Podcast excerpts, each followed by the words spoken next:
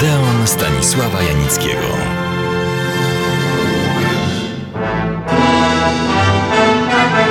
Powoływałem się w jednym z poprzednich felietonów na projekt Andrzeja Wajdy realizacji filmu o afrykańskim dyktatorze i afrykańskim Kordianie. Ale Wajda myślał o jeszcze jednym filmie o dyktatorze, a właściwie to miał to być film dla dyktatora. Pomysł równie zaskakujący, co ciekawy. Istnieje kraj, w którym dyktator zdobył wszystko. No, inaczej nie byłby wszak prawdziwym dyktatorem. Do czasu, rzecz jasna. Ale na razie po zdobyciu wszystkiego, co było do zdobycia, staje się bezczynny.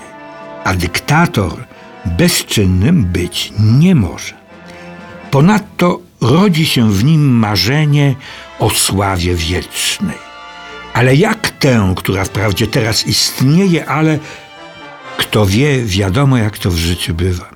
Myśląc o utrwalonej na wieki swojej sławie, wpada na właściwie prosty pomysł, bo musi to być coś, z czym lud, naród będzie mógł i powinien nieustannie obcować.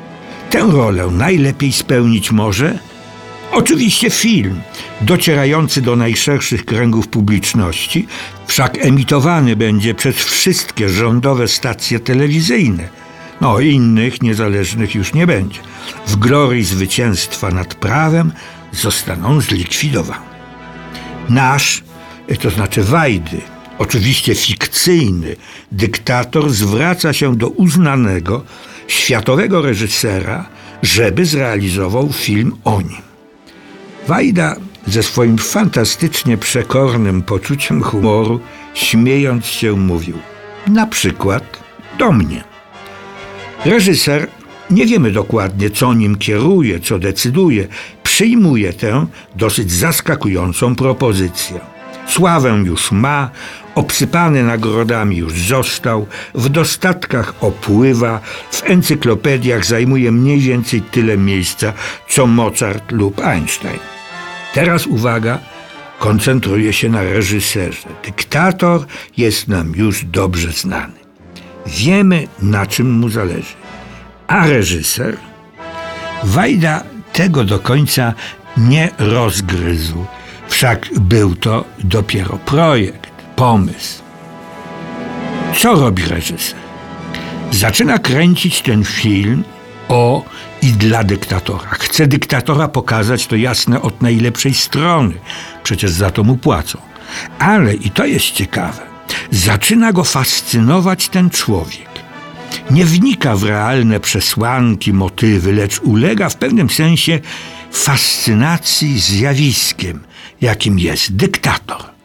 Żeby to zjawisko, czyli dyktatora jak najpełniej, wyraziście pokazać, potrzebuje do konkretnych scen coraz więcej środków, ludzi, słowem pieniędzy. Oczywiście je otrzymuje. Tylko, że w miarę upływu czasu okazuje się, że reżyser ma w pewnym momencie w swoim ręku wszystkie wojska tego kraju, wszystkie służby, z tymi specjalnymi włącznie, i już niewiele trzeba, żeby to on panującego dyktatora obalił i sam został dyktatorem tego kraju. Co o tym pomyśle Wajdy sądzić, pozostawiam Państwu do uznania. Ostatnio mamy dosyć dużo okazji do rozważań tego typu. Oczywiście czysto teoretycznie. A teraz jeszcze trzeci film z dyktatorem w roli głównej. Ten film, zatytułowany Dyktator lub też Wielki Dyktator, został zrealizowany. I o nim chciałbym teraz pokrótce opowiedzieć. Jego twórcą absolutnym scenariusz, reżyseria, główna i to podwójna rola, montaż, muzyka, był największy twórca filmu i to wszechczasów Charles Chaplin. Gości on często w Odeonie, ale dzisiaj chciałbym opowiedzieć o pewnym niezwykłym zdarzeniu, fakcie związanym z tym jego znakomitym filmem.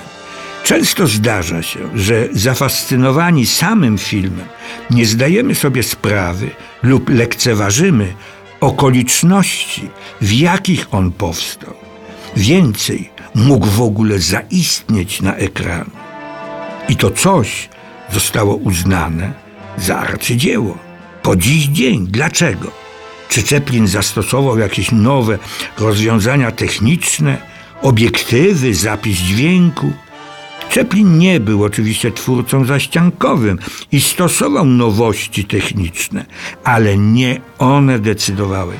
Od rewelacji, nie mówią tego prześmiewczo, był inny geniusz dziesiątej muzy, Orson Welles, ze swoim epokowym obywatelem Kane'em. A za tydzień dalszy ciąg i zaskakujące zakończenie tej opowieści o tym razem prawdziwym dyktatorze. Zapraszam do Odo.